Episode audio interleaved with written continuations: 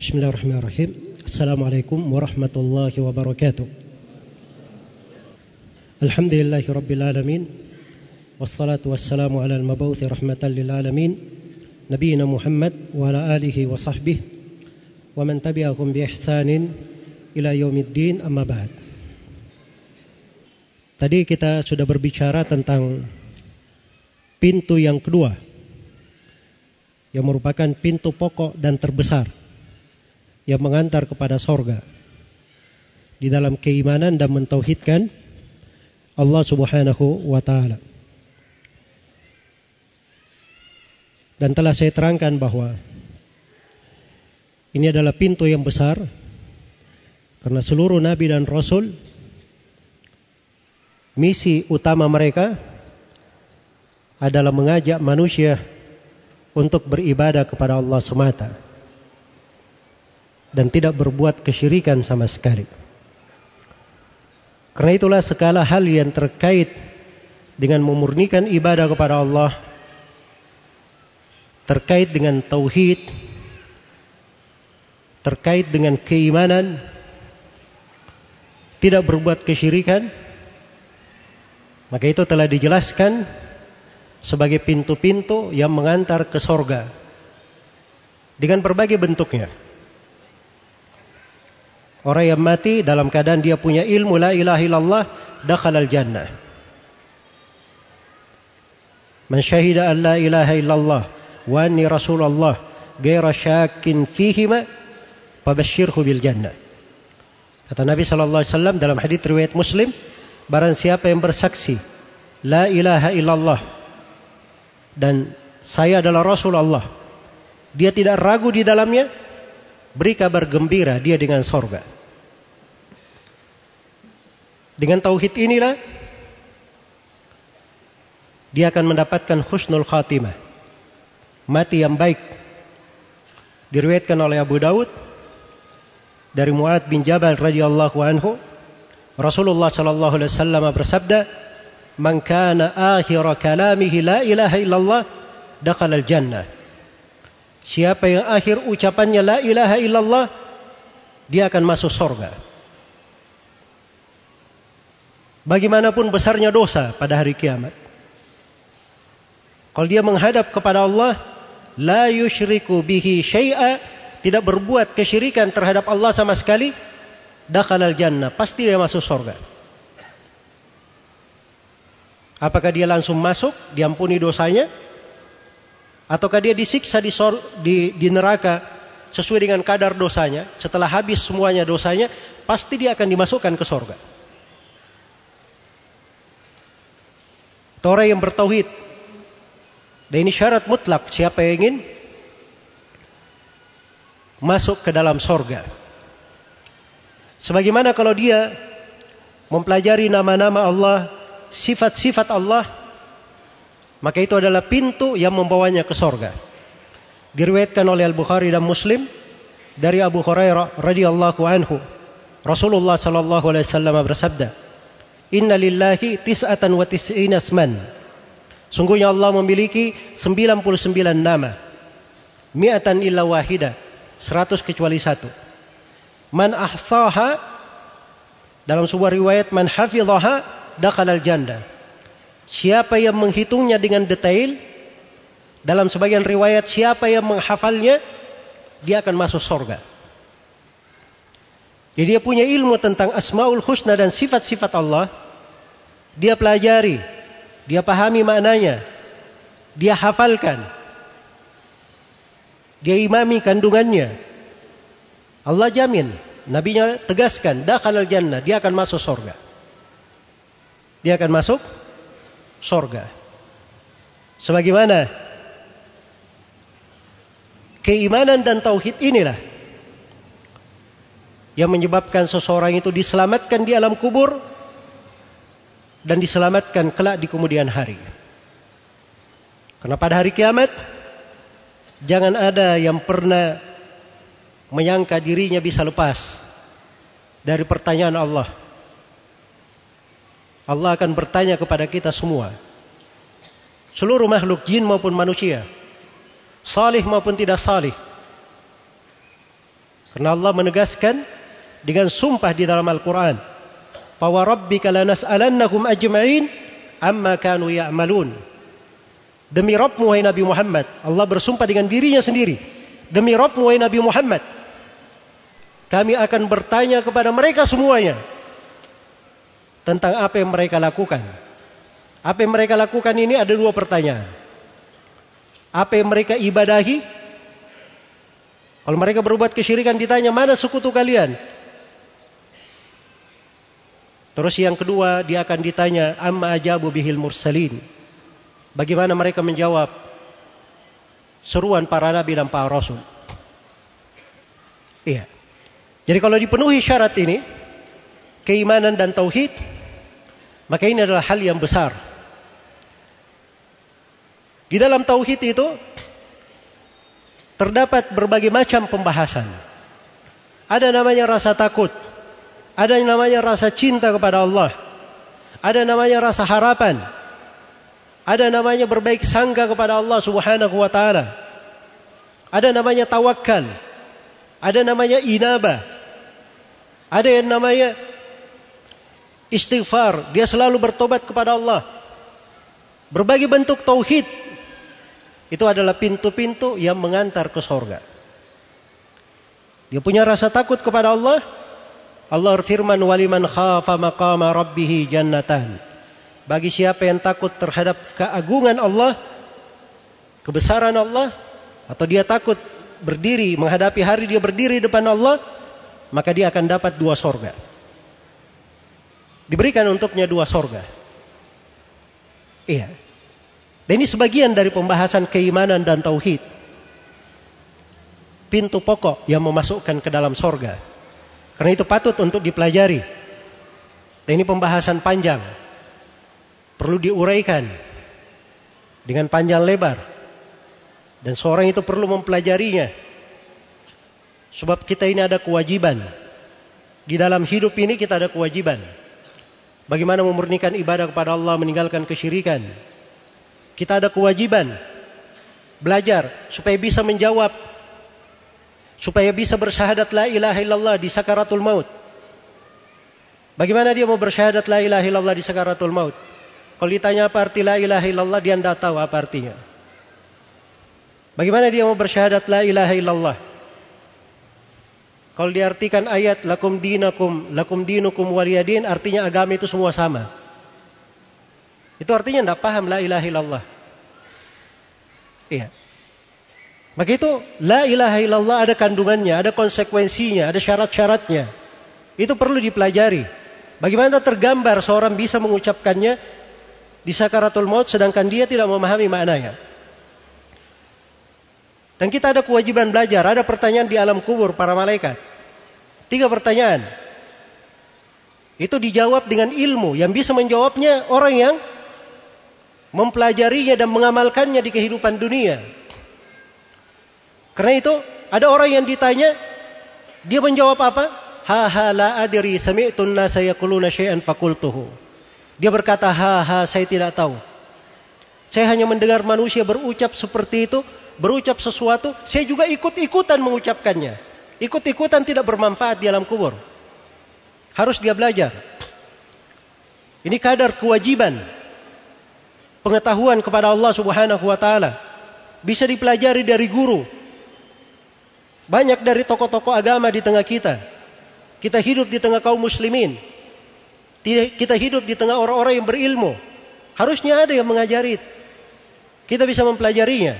Apalagi di masa sekarang ini. Ya, banyak kemudahan-kemudahan. Seorang yang belajar misalnya apa makna la ilaha illallah. Ya, dia bisa lihat pelajaran-pelajaran. Guru-guru yang mengajarkan tafsir la ilaha illallah. Dia ingin belajar bagaimana menjawab pertanyaan malaikat di alam kubur. Dia bisa pelajari. Ada buku panduan untuk mempelajari tiga pertanyaan malaikat di alam kubur. Dia ingin tahu apa itu tauhid, ada pelajaran tentang tauhid. Iya. Semuanya lengkap. Semuanya lengkap. Jadi pada hari kiamat jangan ada yang menyangka bahwa dirinya bisa beralasan, bisa berudur. Jangan sampai ditanya oleh mungkar dan nakir, dia masih berpikir, Wah ini mungkar dan nakir kita bisa atur damai. Ya. Oh mungkar dan nakir saya sekarang belum siap. Ya. Tolong kalau saudara saya datang biar dia jawab saja mewakili saya. Itu tidak ada ceritanya. Ini kewajiban terhadap diri sendiri. Kalau kita menelantarkan kesempatan ini, ini pintu besar. Pintu pokok. Bahkan syarat masuknya sorga. Yang harus kita penuhi. Kemudian yang kedua, dari pintu pokok di dalam dari perkara yang memasukkan ke dalam sorga adalah amalan salih. Adalah amalan salih. Dan dikatakan amalan salih. Bukan dikatakan amalan saja. Kalau beramal semua orang beramal. Orang Yahudi beramal, orang Nasara beramal, orang musyrikin beramal, semuanya beramal. Tapi amalan yang diterima itu ada kriterianya. Dia adalah amalan yang salih. Dan amalan yang salih itu harus terpenuhi tiga syarat. Harus terpenuhi tiga syarat. Syarat yang pertama, tauhid. Orang yang beramal salih itu adalah orang yang bertauhid kepada Allah benar keimanannya, benar keislamannya. Kemudian syarat yang kedua dari amalan salih yang diterima, amalan itu dilakukan ikhlas karena Allah. Dia hanya mengharap wajah Allah Subhanahu wa taala. Kemudian syarat yang ketiga dari amalan salih yang diterima, amalan salih tersebut harus dibangun di atas tuntunan Rasulullah sallallahu alaihi wasallam. Sebab kalau tidak dibangun di atas tuntunan Nabi, Nabi telah menegaskan man amila amalan laisa alaihi amruna fahuwa radd. Siapa yang beramal dengan sebuah amalan tidak dibangun di atas tuntunan kami, maka itu adalah amalan yang tertolak. Iya.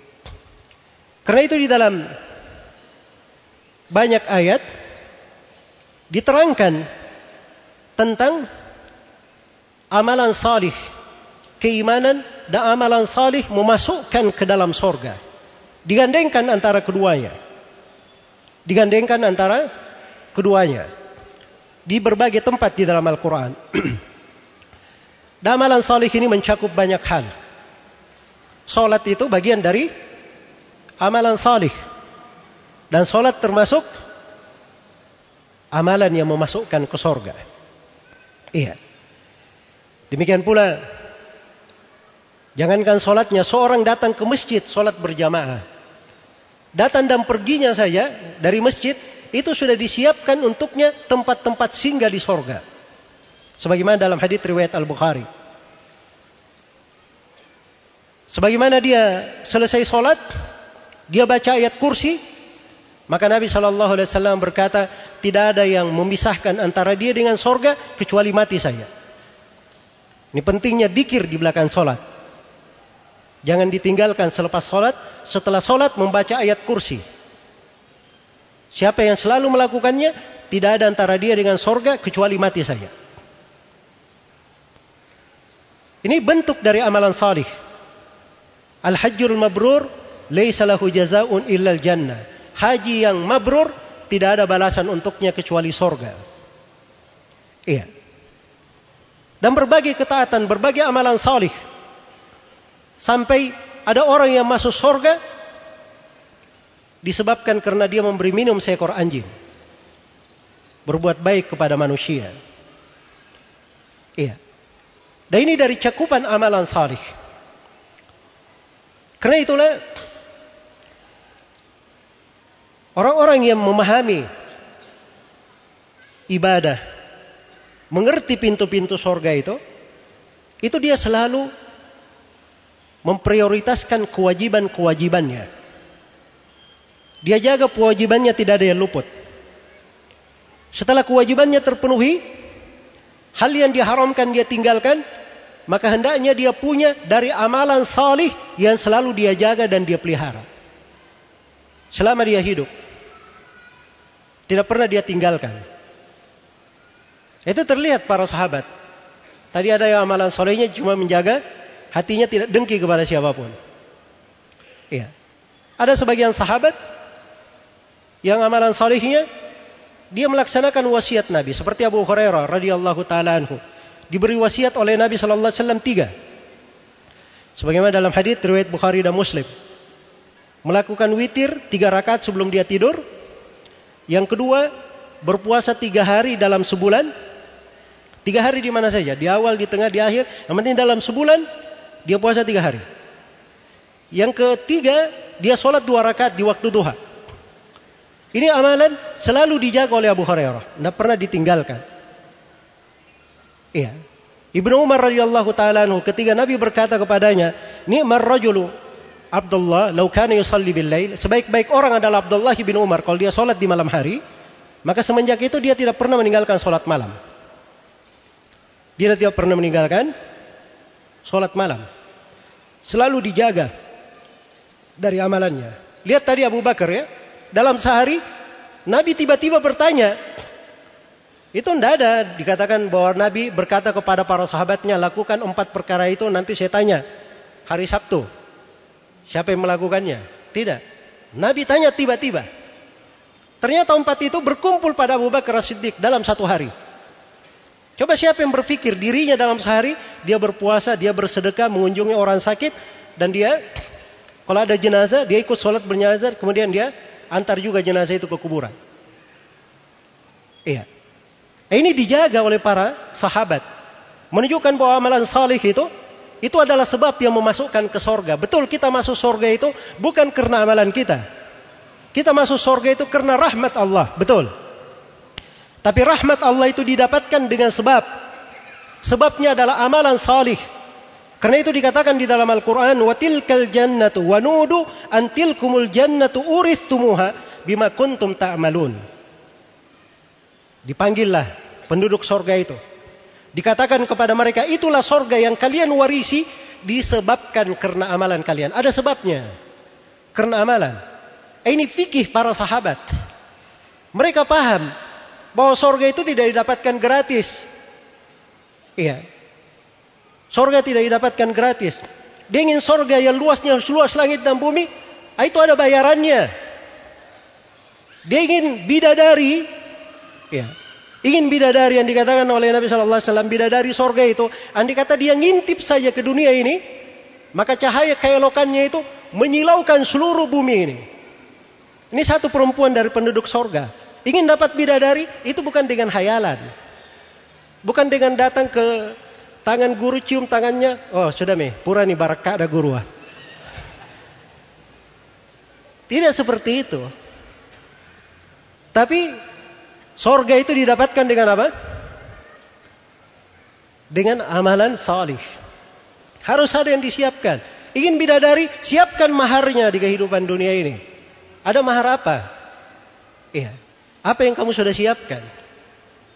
Karena itu seorang sahabat dia pernah datang kepada Nabi Shallallahu Alaihi Wasallam. Dia bertanya Rasulullah, iya, bagaimana pendapatmu dengan atau dia tanya ya Rasulullah kapan hari kiamat? Maka orang ini ketika bertanya seperti itu, Nabi tidak menjawab pertanyaannya sebab memang ini pertanyaan tidak ada jawabannya. Ya. Nabi arahkan kepada hal yang bermanfaat untuk dia. Nabi balik bertanya kepadanya. Wa ma'adat talaha.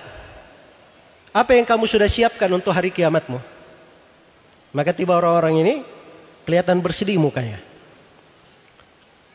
Dia berkata, ya Rasulullah, saya tidak punya banyak amalan. Tapi saya cinta kepada Allah dan Rasulnya. Iya. Maka Nabi Shallallahu Alaihi Wasallam bersabda, almaru ma'aman ahabbah. Seseorang itu bersama siapa yang dia cintai. Itu amalan. Harus ada amalan yang dia lakukan. Ya. Cinta kepada Allah dan Rasulnya harus ada buktinya. Harus ada buktinya.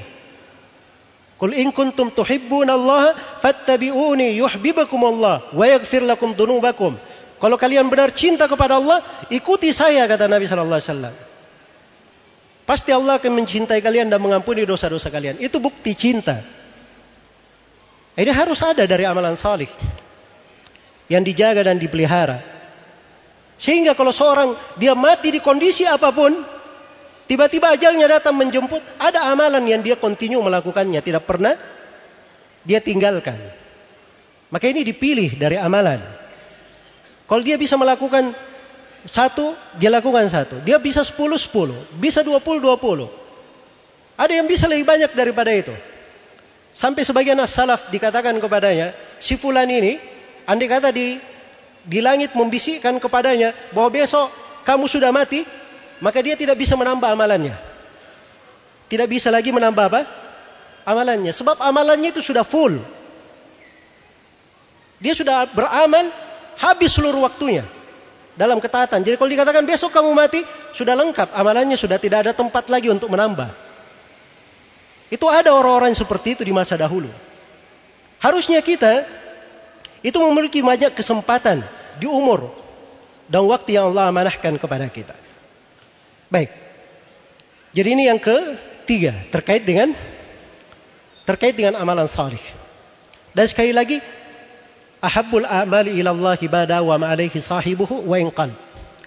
Amalan yang paling dicintai oleh Allah adalah amalan yang pelakunya itu kontinu di dalam melakukannya walaupun sedikit. Ini sekali lagi selain kewajiban ya. Selain kewajiban. Iya. Makanya ada suatu hadis yang menakjubkan di riwayat Muslim rahimahullah Beliau berkata haddatsana Muhammad bin Abdullah bin Numair. Qala haddatsana Abu Khalid Sulaiman bin Hayyan. Ya. Abu Khalid Sulaiman bin Hayyan an Daud ibn Abi Hind an Nu'man ibn Salim an Amr bin Aus qala haddatsani Ambasa ibn Abi Sufyan bimaradhihi alladhi mata fihi bihaditsin yatasarru ilaihi.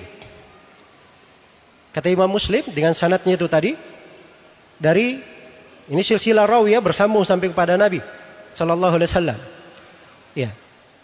Bertemu di An-Nu'man bin Salim, Amr bin Aus meriwayatkan dari Ambasa. Ambasa bercerita tentang hadis ini disakit dia yang dia meninggal di situ. Coba bayangkan kecintaan mereka terhadap ilmu. Ini di posisi sakaratul maut. Disakit yang dia meninggal di situ. Tapi masih bisa menyampaikan hadis. Itu pun hadisnya apa? hadith yang dia bergembira sekali dengan hadith itu. Dia sangat bergembira dengan hadith itu. Dia berkata, "Sami'tu Ummah Habibah radhiyallahu anha taqul." Saya mendengar Ummu Habibah radhiyallahu anha berkata, Ummu Habibah istri Nabi sallallahu alaihi wasallam, Ummu Habibah bintu Abi Sufyan. Ya. Ummu Habibah berkata, "Sami'tu Rasulullah sallallahu alaihi wasallam yaqul." Saya mendengar Rasulullah sallallahu alaihi wasallam bersabda, "Man shalla ithnatai asyrata lailat ithnatai asyrata raka'atan fi yawmin wa laila buniyalahu bihinna baitun fil jannah." Siapa yang salat dalam sehari dan semalam 12 rakaat, 12 rakaat. Salat sunnah ini, salat rawatib ya. 12 rakaat 4 rakaat sebelum duhur, 2 rakaat setelah duhur, 2 rakaat setelah maghrib, 2 rakaat setelah isya, 2 rakaat sebelum subuh. Semuanya berapa? 12. Iya. Jadi siapa yang sholat 12 rakaat dalam sehari dan semalam, kata Nabi Shallallahu Alaihi Wasallam, Allah akan bangunkan untuk dia di dalam sorga sebuah rumah di dalam sorga. Maka Ummu Habibah berkata, "Fama taraktuhunna mundu sami'tuhunna min Rasulillah sallallahu alaihi wasallam." Kata Ummu Habibah, saya tidak pernah meninggalkan 12 rakaat ini semenjak saya dengar dari Nabi sallallahu alaihi wasallam. Murid Ummu Habibah, Ambas bin Abi Sufyan berkata, Ma taraktuhunna mundu sami'tuhunna min Ummu Habibah.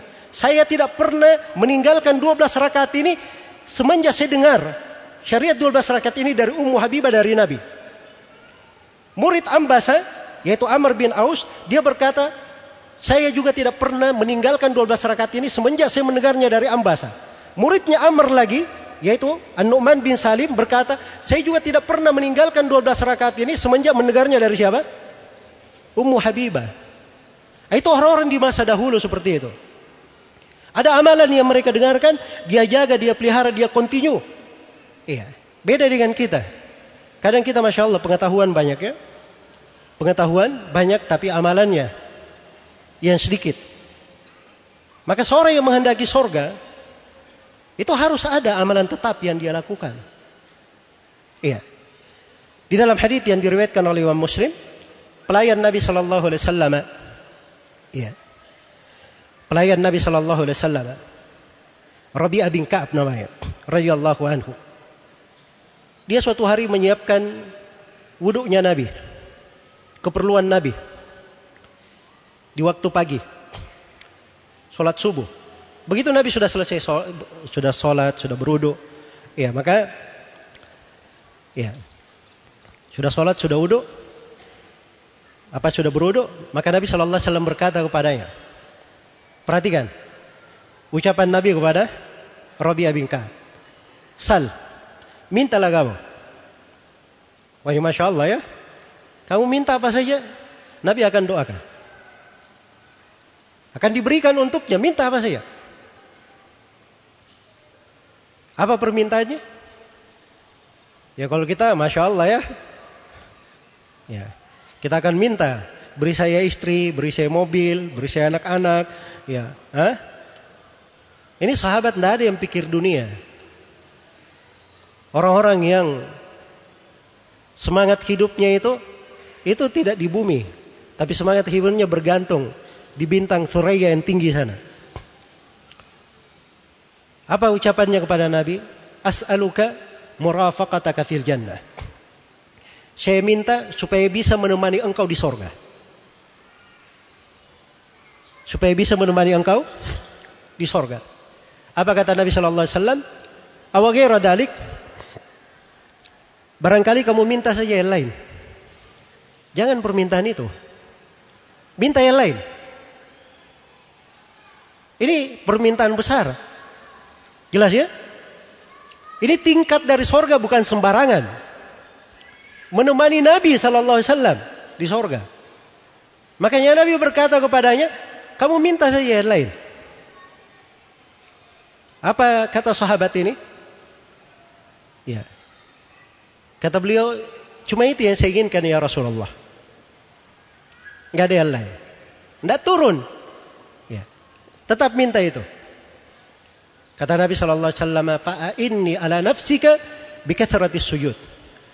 Kalau begitu, bantulah saya supaya saya bisa mohon kepada Allah guna permintaan kamu ini, bantu saya dengan cara kamu memperbanyak sujud kepada Allah. Artinya apa? Perbanyak sholat-sholat sunnah selain daripada sholat wajib. Iya. Kalau tahu ada namanya sholat sunnah, kerjakan semampu mungkin. Kerjakan semampu mungkin. Ada sebagian ulama yang mengatakan sholat sunnah dalam sehari dan semalam itu ada yang mencapai 360 rakaat. Rinciannya bagaimana Ustaz? Belajar. Itu rinciannya. Jelas ya? Belajar. Tidak bisa selesai semua dalam satu majelis. Tiba-tiba menjadi ulama ya, sejagat. Itu tidak ada ceritanya di dalam beragama. Itu dibelajari bersama dengan hari-hari. Sampai tua pun masih belajar orang-orang yang berilmu itu. Iya. Orang yang berilmu itu, dia belajar menghabiskan umurnya sampai seribu tahun pun, tidak seluruh ilmu bisa dia kuasai. Karena itu seorang penyair bijaksana berkata, "Ma hawal ilma jami'an ahadun wala la walau marasahu alfasana. Innamal ilmu kabahrin zakhirin fattakhid min kulli syai'in ahsana." Ilmu itu tidak bisa didapatkan seluruhnya oleh satu orang. Tidak akan didapatkan seluruhnya walaupun dia menuntut ilmu seribu tahun. Ilmu itu bagikan lautan yang sangat dalam. Tetapi, tapi ambillah dari setiap ilmu itu yang paling indahnya. Itu ada namanya pokok-pokok ilmu, kunci-kuncinya. Hal yang terpentingnya. Ya. Kalau masuk langsung belajar di lautan ilmu, ya itu dia tidak bisa memilih. Makanya saya bilang tadi belajar itu caranya duduk bersimpu depan guru. Nanti guru yang pilihkan untuknya mana kunci ilmu, mana yang merupakan dasar ilmu. Akan diberikan kepadanya jalannya di dalam belajar dan menuntut ilmu. Betul semua ilmu tercetak di dalam buku, betul. Tapi kunci memahami ilmu itu itu masih ada di dada para ulama belum tertulis di buku-buku. Itu harus diambil dari guru-guru yang mengajarkan. Iya. Maka demikianlah para sahabat, orang-orang yang berilmu, ada amalan-amalan salih yang mereka jaga. Selalu mereka kontinu di dalam kehidupannya. Kemudian berikutnya, dari pintu sorga, dari pintu sorga yang sangat besar. Dan ini pintu banyak yang menelantarkannya. Pintu sorga yang banyak dilupakan. Bahkan pintu sorga yang banyak melanggarnya. Bukannya dia mengambil pintu sorga ini, dia masuk ke dalam pintu sebaliknya ke pintu neraka waliyadzubillah. Ini namanya pintu kebersamaan. Pintu al-jamaah. Pintu persatuan. Pintu persatuan. Kebersamaan. Al-jamaah. Al-ijtima. Dan ini prinsip dasar di dalam agama. Wadkuru id kuntum disebutkan dalam Al-Quran. Bagaimana besarnya nikmat ini? Wa'tasimu bihablillahi jami'an wa la tafarraqu. Berpegang teguhlah kalian semua dengan tali Allah dan jangan kalian bercerai-berai. Wadkuru ni'matallahi id kuntum a'daan fa'allafa baina qulubikum fa asbahtum bi ni'matihi ikhwana. Dan ingatlah ketika dahulu sebelum Islam ini datang kalian adalah orang-orang yang saling bermusuhan.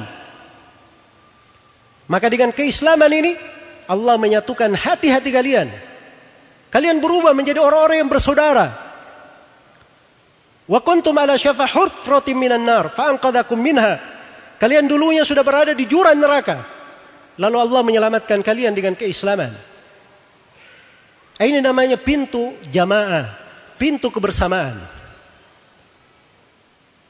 Dan itu salah satu pintu sorga bahkan pertengahan sorga dan pilihannya.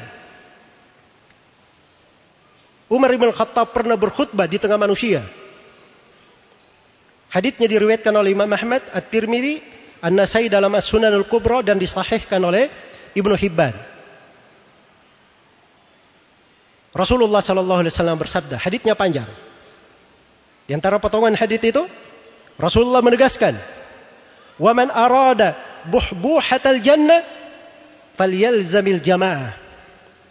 Barang siapa yang menghendaki buh hatal jannah, pertengahan sorga, pilihan dari sorga itu, maka hendaknya dia berkomitmen di atas al-jamaah.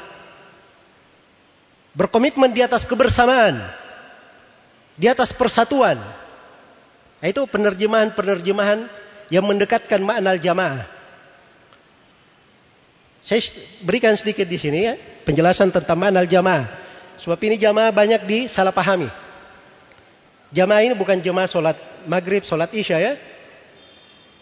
Jamaah bukan bermana kelompok-kelompok atau golongan tertentu.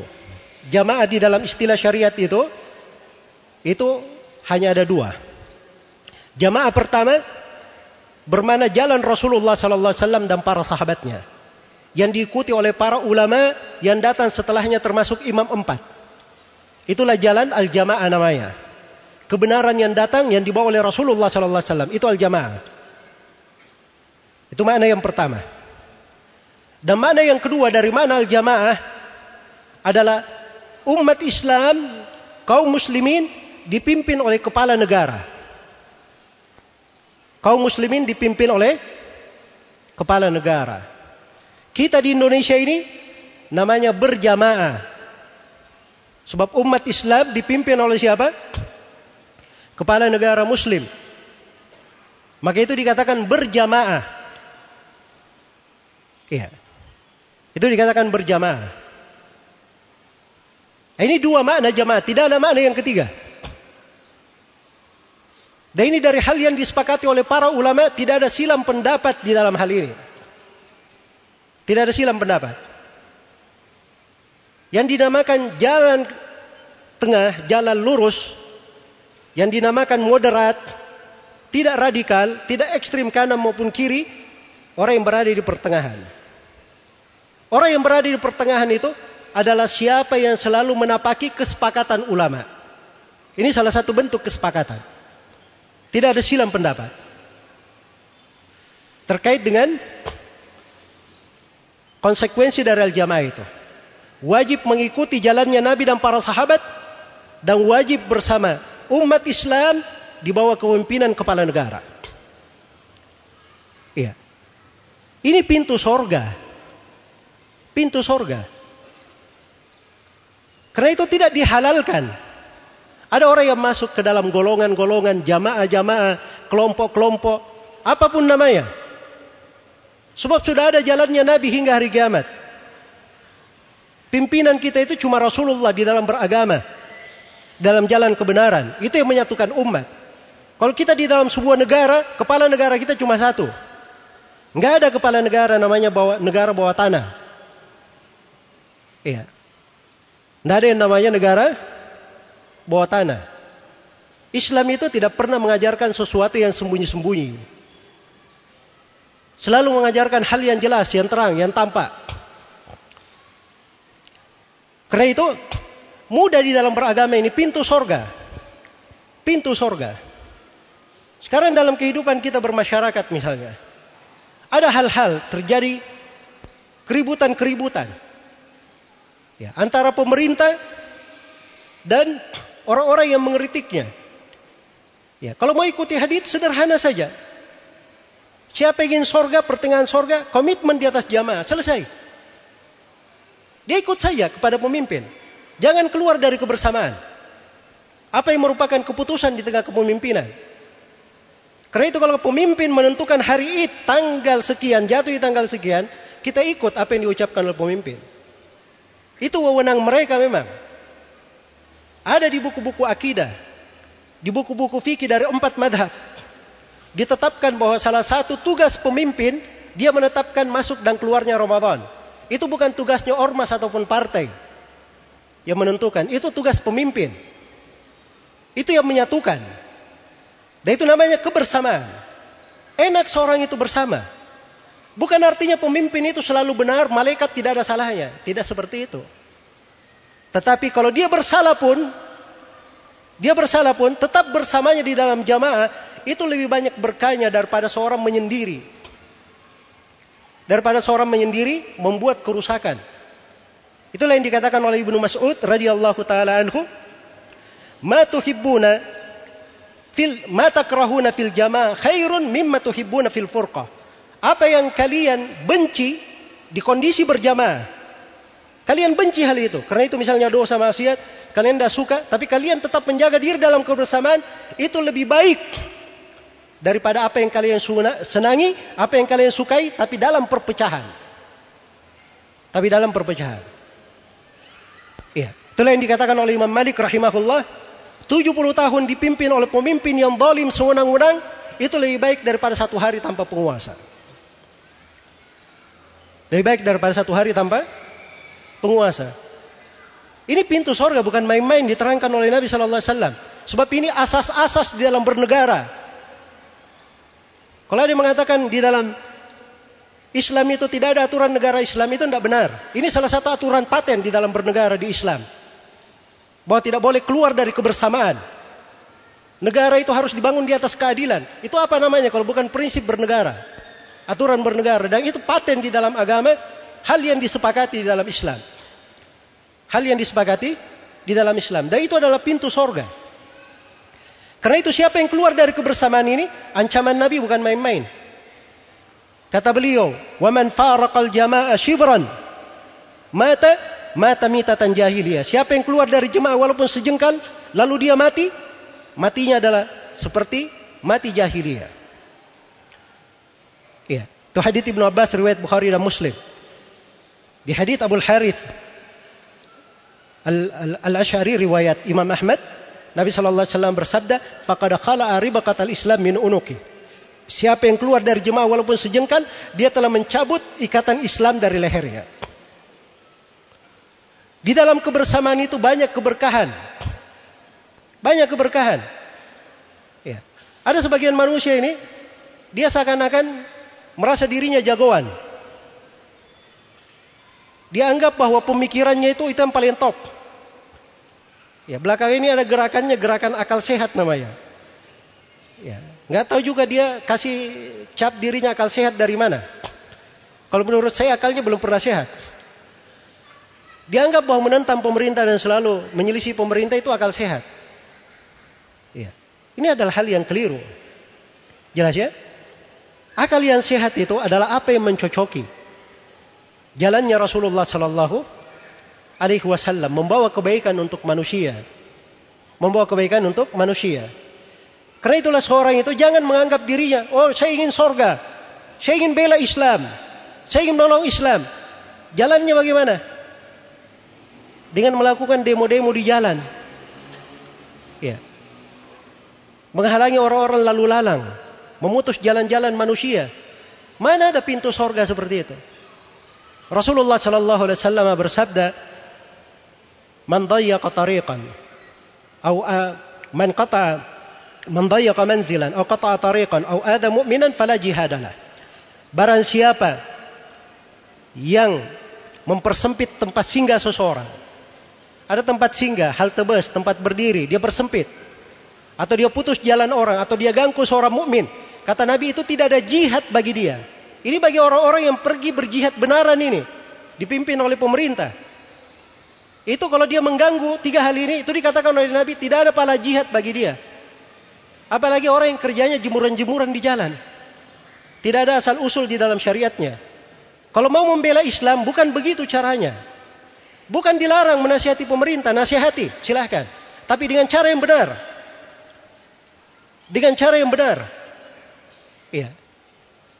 Terus orang yang menasihati itu kalau dia punya ide, itu jangan langsung dia patenkan bahwa ide saya ini yang paling benar. Dari mana kamu tahu yang paling benar? Iya. Itu banyak orang-orang itu Kondisinya seperti pemain bola itu. Tahu pemain bola ya? Ya, itu sporternya lebih hebat dari pemainnya. Ya kalau pemainnya soal tendang saja wah ini betul-betul wah masa sisa sedikit betul-betul tolol orang ini. Ya.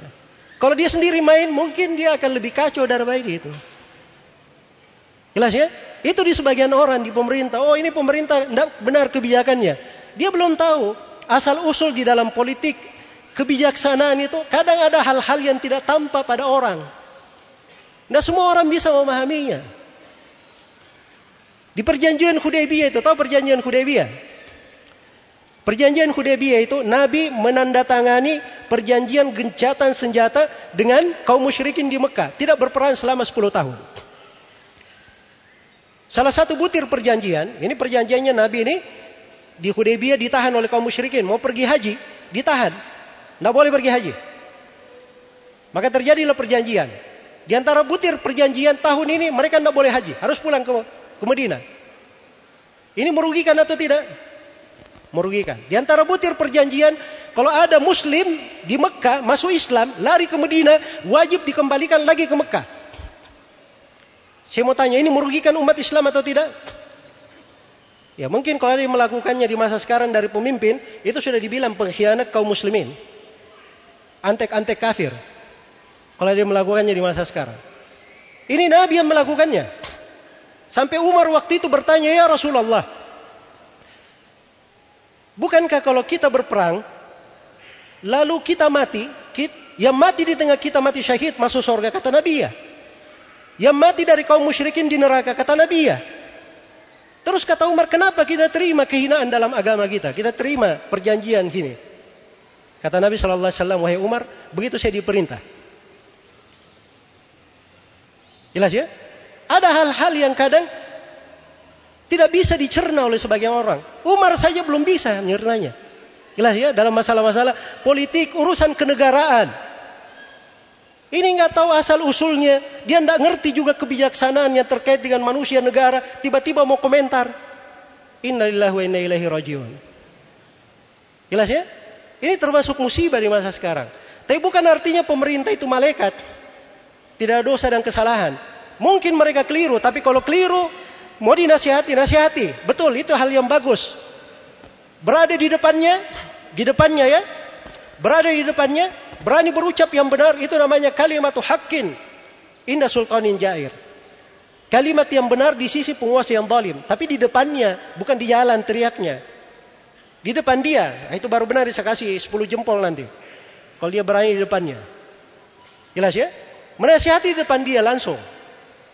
Kata Rasulullah sallallahu alaihi wasallam di hadis yang lain, "Man indahu nasihatul lidhi sultan fala yubdiha alaniya.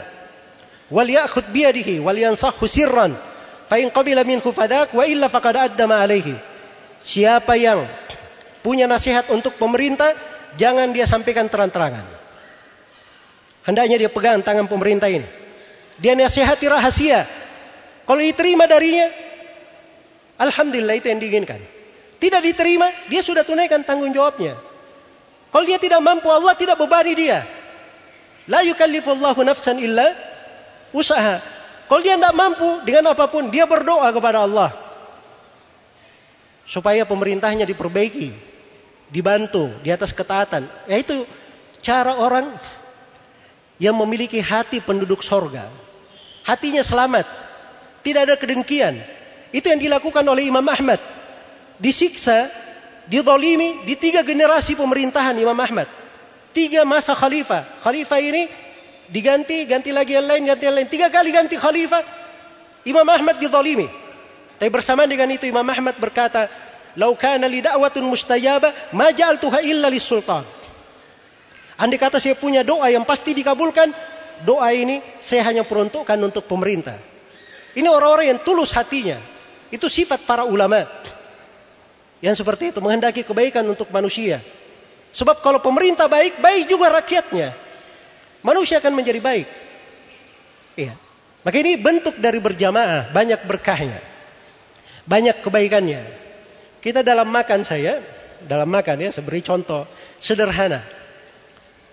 Pernah ada sahabat yang datang kepada Nabi, dia berkata, "Ya Rasulullah, kita ini makan-makan, tapi kenapa perasaannya tidak pernah kenyang?" Iya. Pernah merasa seperti itu? Makan-makan tapi merasa apa? Tidak kenyang. Kata Nabi Shallallahu Alaihi Wasallam, barangkali la'allakum tatafarrakun. Barangkali kalian ini kalau makan berpecah-pecah, sendiri-sendiri makannya. Ya. Kata beliau, ijtami'u ala ta'amikum yubaraku lakum fi. Berkumpullah kalian semua untuk makan bersama. Akan diberkahi makanan kalian itu. Maka para sahabat pun makan bersama. Akhirnya mereka pun mendapatkan keberkahan. Karena itu makanan dua orang cukup untuk tiga orang. Ya kalau misalnya ada tiga orang ya, terus beli makanan, yang datang cuma dua bungkus. Bagaimana caranya untuk cukupi? Sudah, Dua bungkus itu gabung, terus makan bertiga. Pasti akan cukup itu, akan berberkah. Iya. Akan tahan insya Allah, dua hari pun tahan. Jelas ya?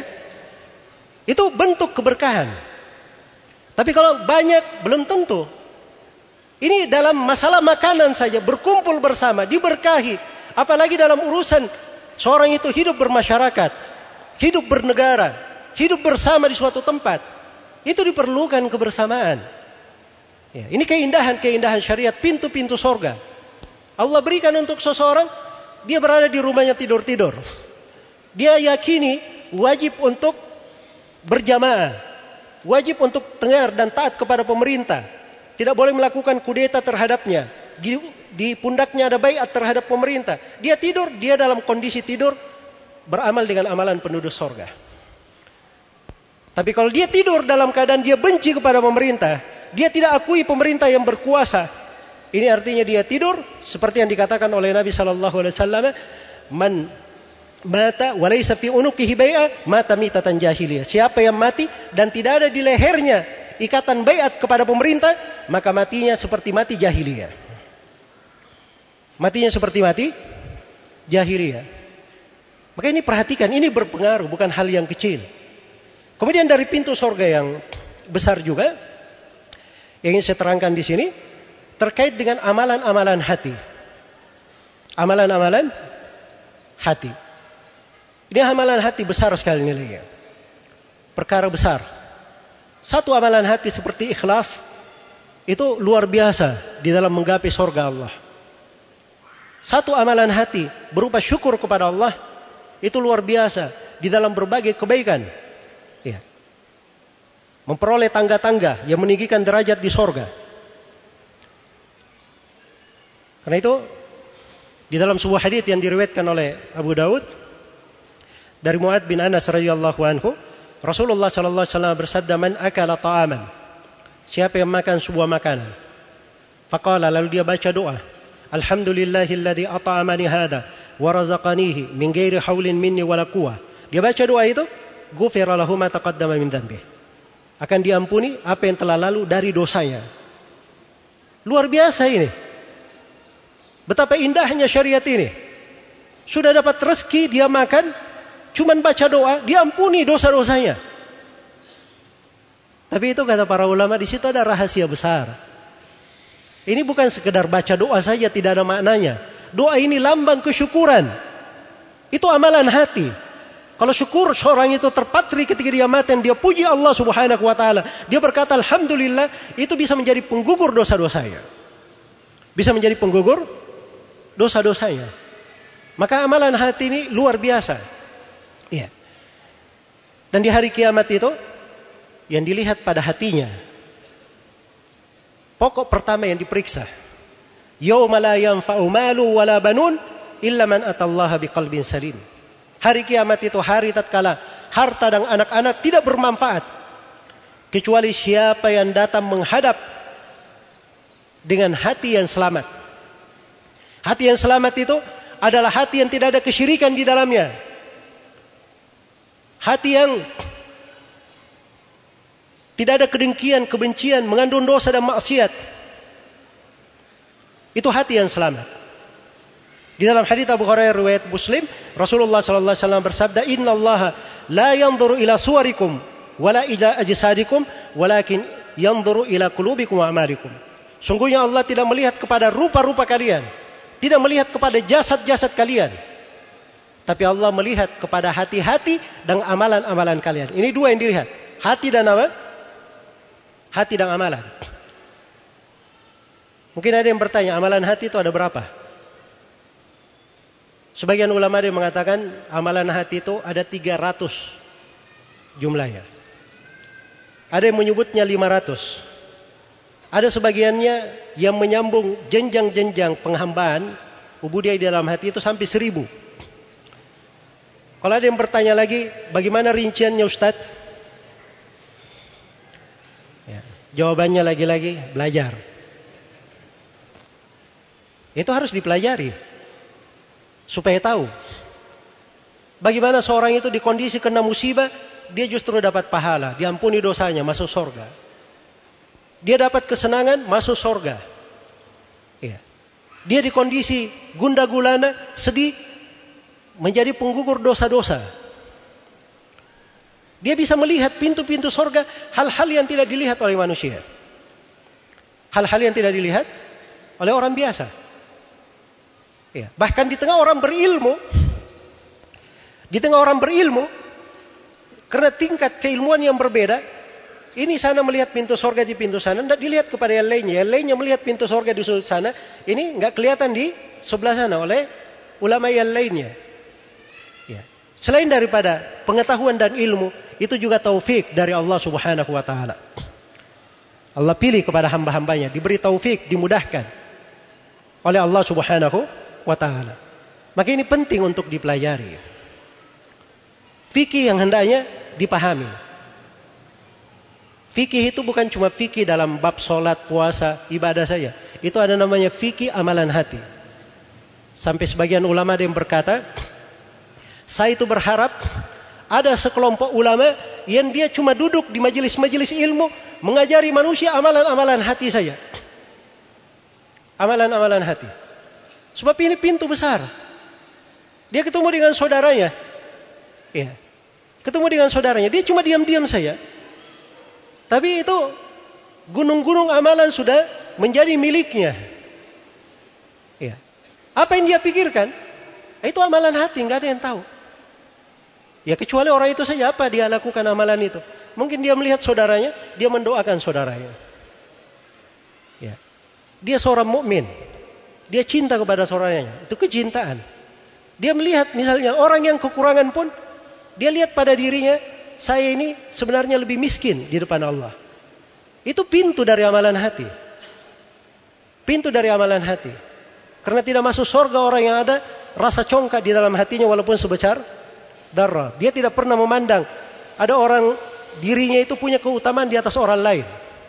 Dia selalu memandang hina pada dirinya, memandang penuh dengan kekurangan. Itu amalan hati perlu dipelajari. Supaya bisa muncul, diingat. Iya. Kita di majelis ini saja, ini berbeda-beda sesuai dengan niatnya masing-masing. Kalau ada yang datang ke sini tidak ada niatannya, ya itu sudah dapat kebaikan ya, tidak merugi. Tapi kalau dia niat, dia datang ke majelis ilmu dengan niat satu, mengangkat kejahilan dari dirinya. Masya Allah, sudah dapat pahala. Dia belajar ilmu untuk menjaga agama. Dia sudah dapat pahala. Dia dapat datang ke majelis ilmu untuk memperbanyak umat Islam di majelis ini dapat pahala. Dia datang mempelajari ilmu untuk menjaga sunnah Nabi, dapat pahala. Dia datang mempelajari ilmu supaya dia bisa amalkan untuk dirinya, keluarganya dan sampai ke orang lain. Dia sudah dapat pahala. Dia datang ke sini majelis ilmu karena ini masjid. Dia ingin menjadikan ini sebagai majelis dikir baginya. Dia duduk di sini antara maghrib dan isya itu menunggu sholat dari sholat ke sholat seperti sholat. Dia duduk di majelis itu di pendapat sebagian ulama dia niatkan itikaf syah sebagai itikaf walaupun sesaat. Tapi ini niat ya. Kalau antum tidak niat mana dapat pahala itikaf? Jelas ya? Eh, ini semuanya kaitannya dengan amalan hati tidak kelihatan. Tapi besar sekali pahalanya. Besar sekali pahalanya. Karena itu jangan disangka segala sesuatu itu diselesaikan dengan ribut-ribut. Ya. Kayak bahasa sebagian anak-anak muda kita ini. Kalau kita diam-diam saja, bagaimana caranya terjadi perubahan? Ya, ini kadang ditujukan ke saya ya. Ini Ustadz melarang kita demo-demo ini. Kalau kita diam-diam saja bagaimana terjadi perubahan? Eh, ini karena tidak paham. Liku-liku syariat tidak paham kehidupan itu bagaimana, tidak paham tentang akibat dari sebuah perbuatan. Dia belum berpikir hal-hal yang seperti itu. Itu semuanya ada jalannya. Ada konsekuensinya di dalam ilmu. Setiap tindakan yang dilakukan itu ke mana arahnya, itu ada ukurannya, bisa diprediksi bagi orang yang mempelajari apa? Mempelajari ilmu. Tapi itu dipahami di kalangan orang yang berilmu. Kalau dia tidak punya ilmu, bagaimana bisa memahaminya? Bisa memahaminya. Maka itu Nabi Shallallahu Alaihi Wasallam ketika memberi wejangan luar biasa. Nabi memberi wejangan sama ke seluruh lapisan manusia yang terpandang maupun yang tidak terpandang, yang cerdas maupun yang tidak cerdas, Nabi berucap Al-Quran sama, hadit-hadit Nabi sama. Ya, wejangan Nabi sama, dipahami. Ketentuan-ketentuan layak untuk semuanya hingga hari kiamat. Hingga hari kiamat. Maka ini pintu surga yang agung dari pintu amalan hati. Dari keselamatan hati. Ya. Baik. Kemudian dari pintu surga yang besar pula adalah ketaatan kepada Allah dan Rasulnya. Selalu dia prinsip taat kepada Allah dan Rasul. Apa-apa sami'na wa ata'na. Iya. Itu tadi hati-hati ya dari virus akar sehat itu. Kalau ada apa-apa, oh enggak, kita harus pikir dulu ini masuk akal atau tidak ini. Ya. Dipikirnya ini dia ini orang yang paling cemerlang akalnya. Allah dan Rasulnya itu tidak memberi hal-hal yang mencocoki akal sehat. Allah yang menciptakan kamu dan akalmu dan semua orang-orang yang kamu pandang berakal. Allah yang menetapkan syariat yang paling hikmah, paling bijaksana, paling adil. Maka di syariat itulah akal yang sehat sebenarnya. Tapi kamu karena akalmu kurang sehat tidak bisa memahaminya. Itu aja yang menjadi masalah sebenarnya. Jadi ketaatan kepada Allah dan Rasulnya, sami'na wa ta'ana, itu prinsip pokok. Dan jalan yang memasukkan ke surga. Karena itu dalam Al-Quran dikatakan, Wa may yuti'illaha wa rasulah yudkhilhu jannatin tajri min tahtihal anhar. Barang siapa yang taat kepada Allah dan Rasulnya, Allah akan memasukkan dia ke dalam sorga yang mengalir di dalamnya sungai-sungai, yang mengalir di dalamnya sungai-sungai. Kemudian dari pintu pokok di dalam, dari pintu sorga, ya, adalah bertakwa kepada Allah Subhanahu Wa Taala. Dan takwa itu artinya menjalankan segala perintah dan meninggalkan segala segala yang dilarang. Itu namanya takwa. Ali bin Abi Thalib menafsirkannya takwa itu adalah engkau takut kepada Allah yang maha besar.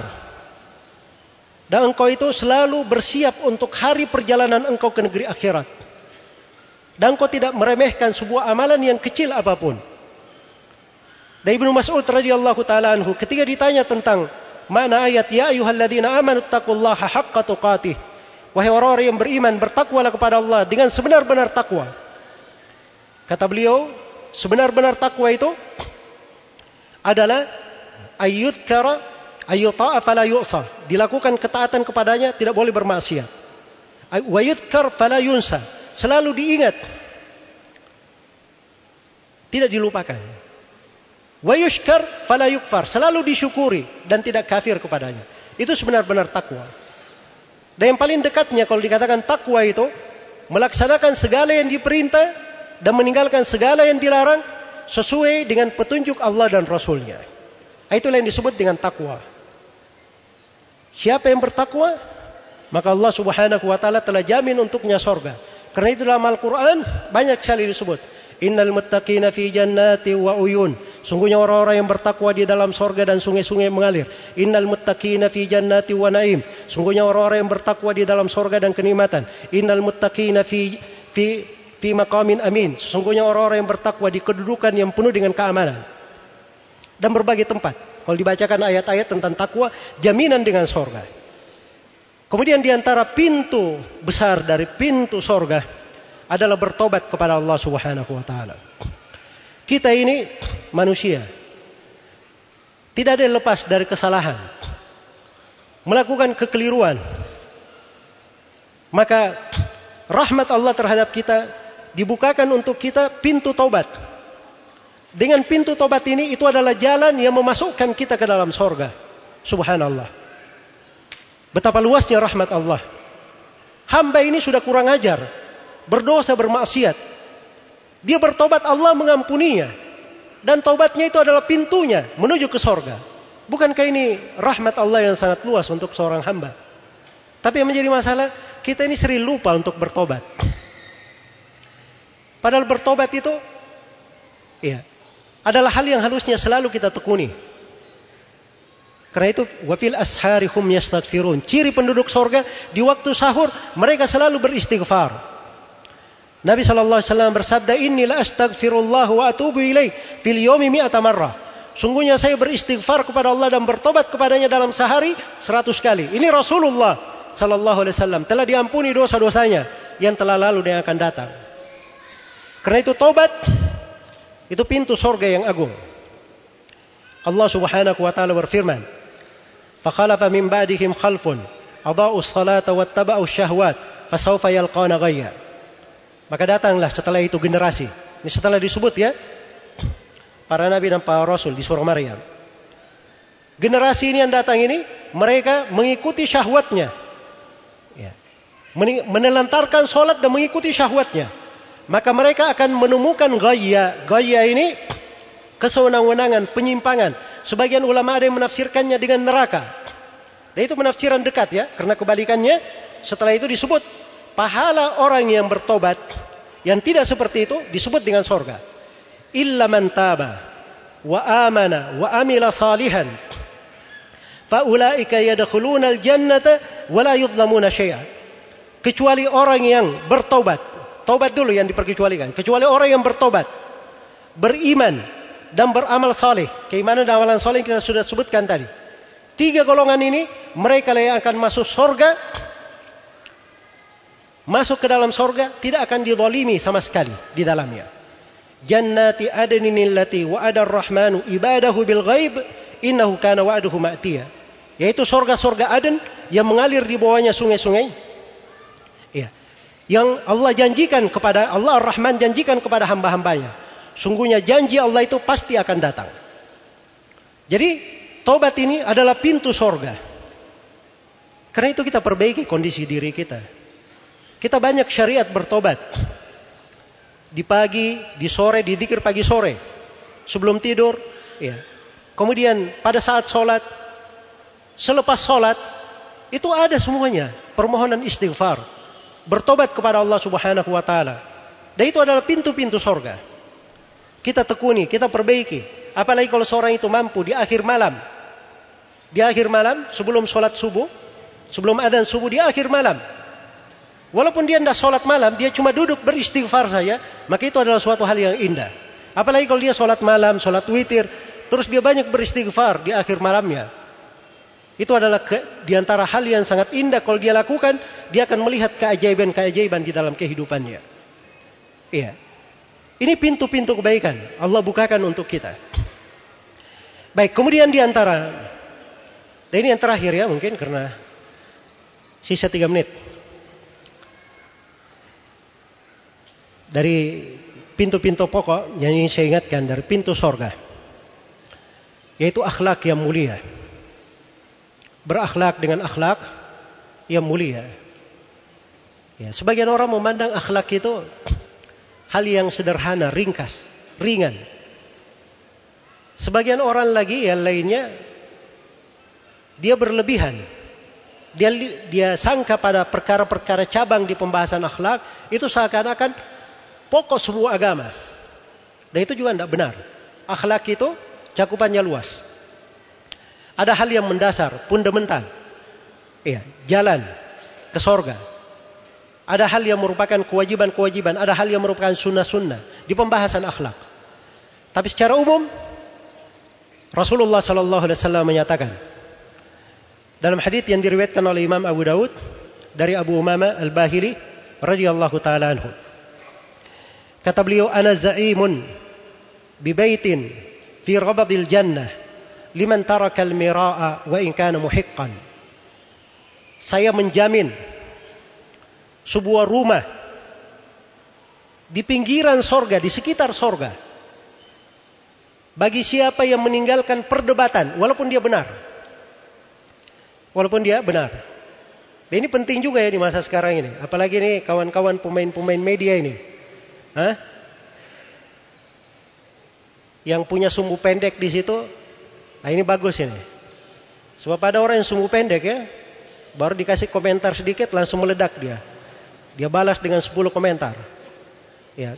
Kalau sana komentarnya dia bumbui satu cabai, cabai rawit pedis, dia kasih 100 macam cabai di situ. Di bantahan dia. Ini nggak benar ya. Di sini dikatakan oleh Nabi, saya jamin sorga. Di pinggiran sorga. Bagi siapa yang meninggalkan perdebatan walaupun dia benar. walaupun dia benar. Memang ada sebagian manusia ya, aneh bingung ajaib memang sebagian manusia di masa sekarang. Dia kadang menulis sesuatu, dia sendiri tidak mengerti apa yang dia ucapkan. Ya, kita juga mau meluruskannya, itu eman waktunya buang-buang umur dan kehidupan untuk membalasnya. Jelas ya? Maka ini Masya Allah indah sekali ucapan Nabi. Dia tinggalkan hal itu walaupun dia benar. Dapat. Rabadil jannah. Pinggiran. Ya. Jadi kalau di perumahan itu di pinggiran dia. Ingin dapat di tengah-tengah. Kelanjutan hadis. Kata Nabi Shallallahu Alaihi Wasallam, "Wabi baitin fi wasatil jannah." Iya. Liman taraka al-kadhiba liman taraka al-kadhib wa in kana mazihan. Dan saya jamin untuknya rumah di tengah sorga. Bagi siapa yang meninggalkan kedustaan. Walaupun dia cuma main-main saja. Cuma main-main. Ini dari pintu sorga ya. Dan sekarang ini subhanallah. Kita sering melihat orang-orang cuma membaca inna lillahi wa inna ilaihi rajiun saja. Ya kadang bicara agama, baca ayat-ayat Al-Quran, tapi isinya membuat orang tertawa.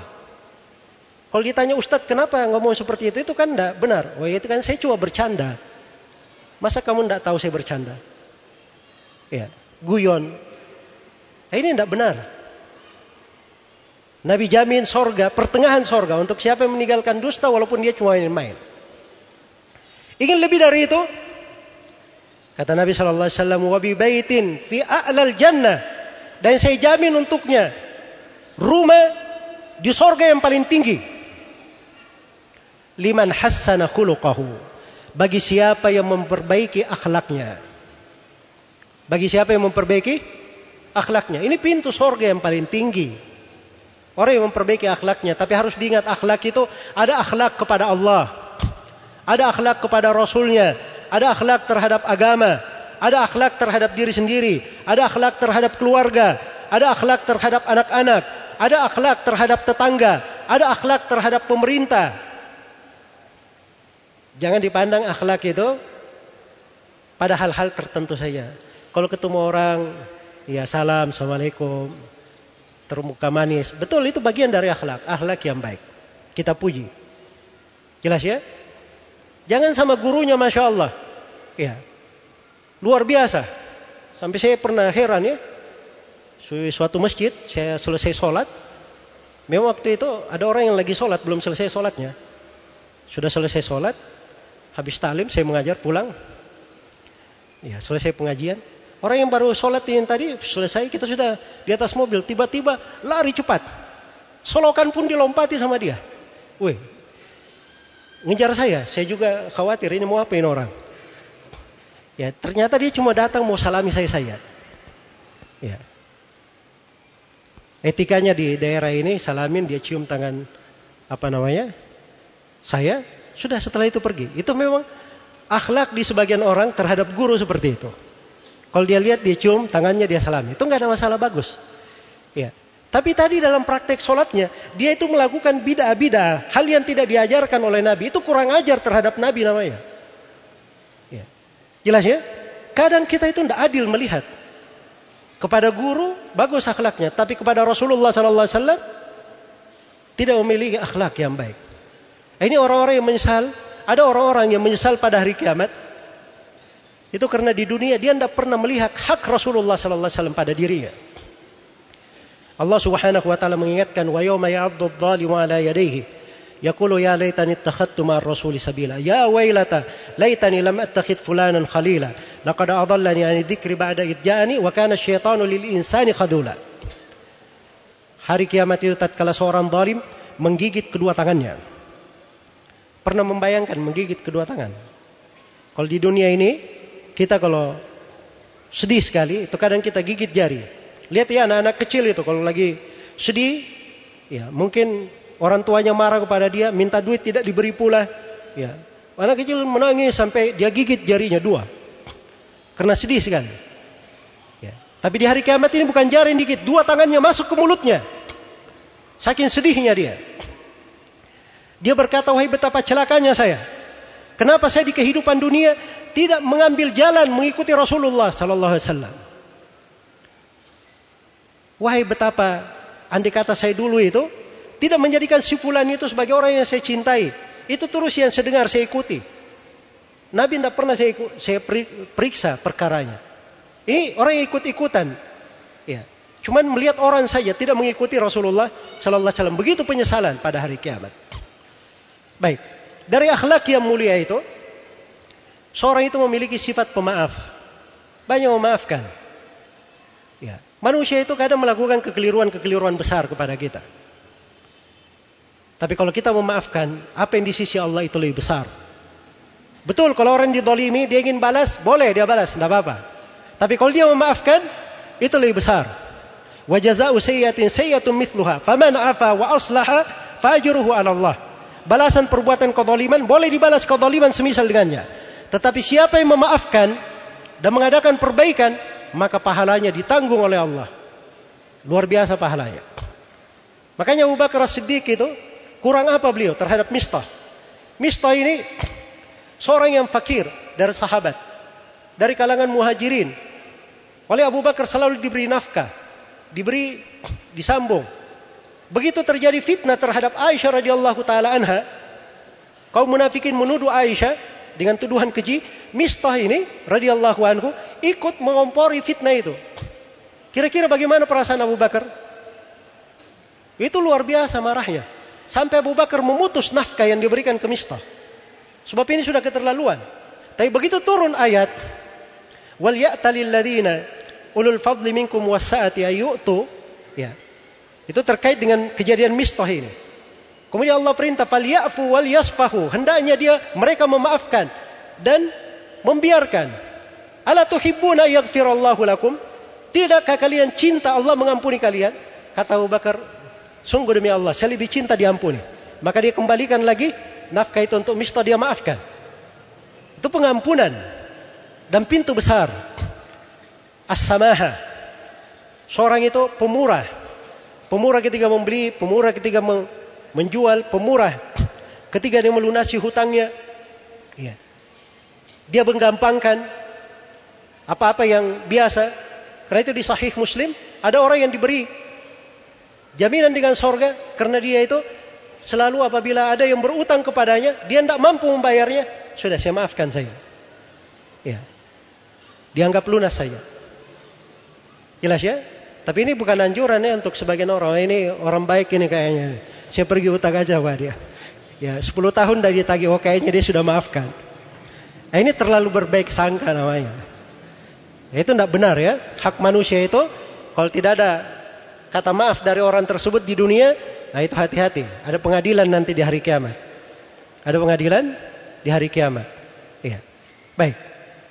Jadi ini di antara pintu sorga yang indah. Dan di antara akhlak yang mulia menunaikan amanah. Menunaikan amanah, menjaga lisan, menjaga kemaluan. Kata Nabi sallallahu alaihi wasallam, "Yatman li baina wa baina rijlaihi atman lahul jannah." Siapa yang menjamin untukku dia jaga lisannya dan jaga kemaluannya, maka aku jamin untuknya sorga. Aku jamin untuknya sorga. Makanya dia jangan berucap kecuali ucapan yang baik. Ucapan yang dia pikirkan.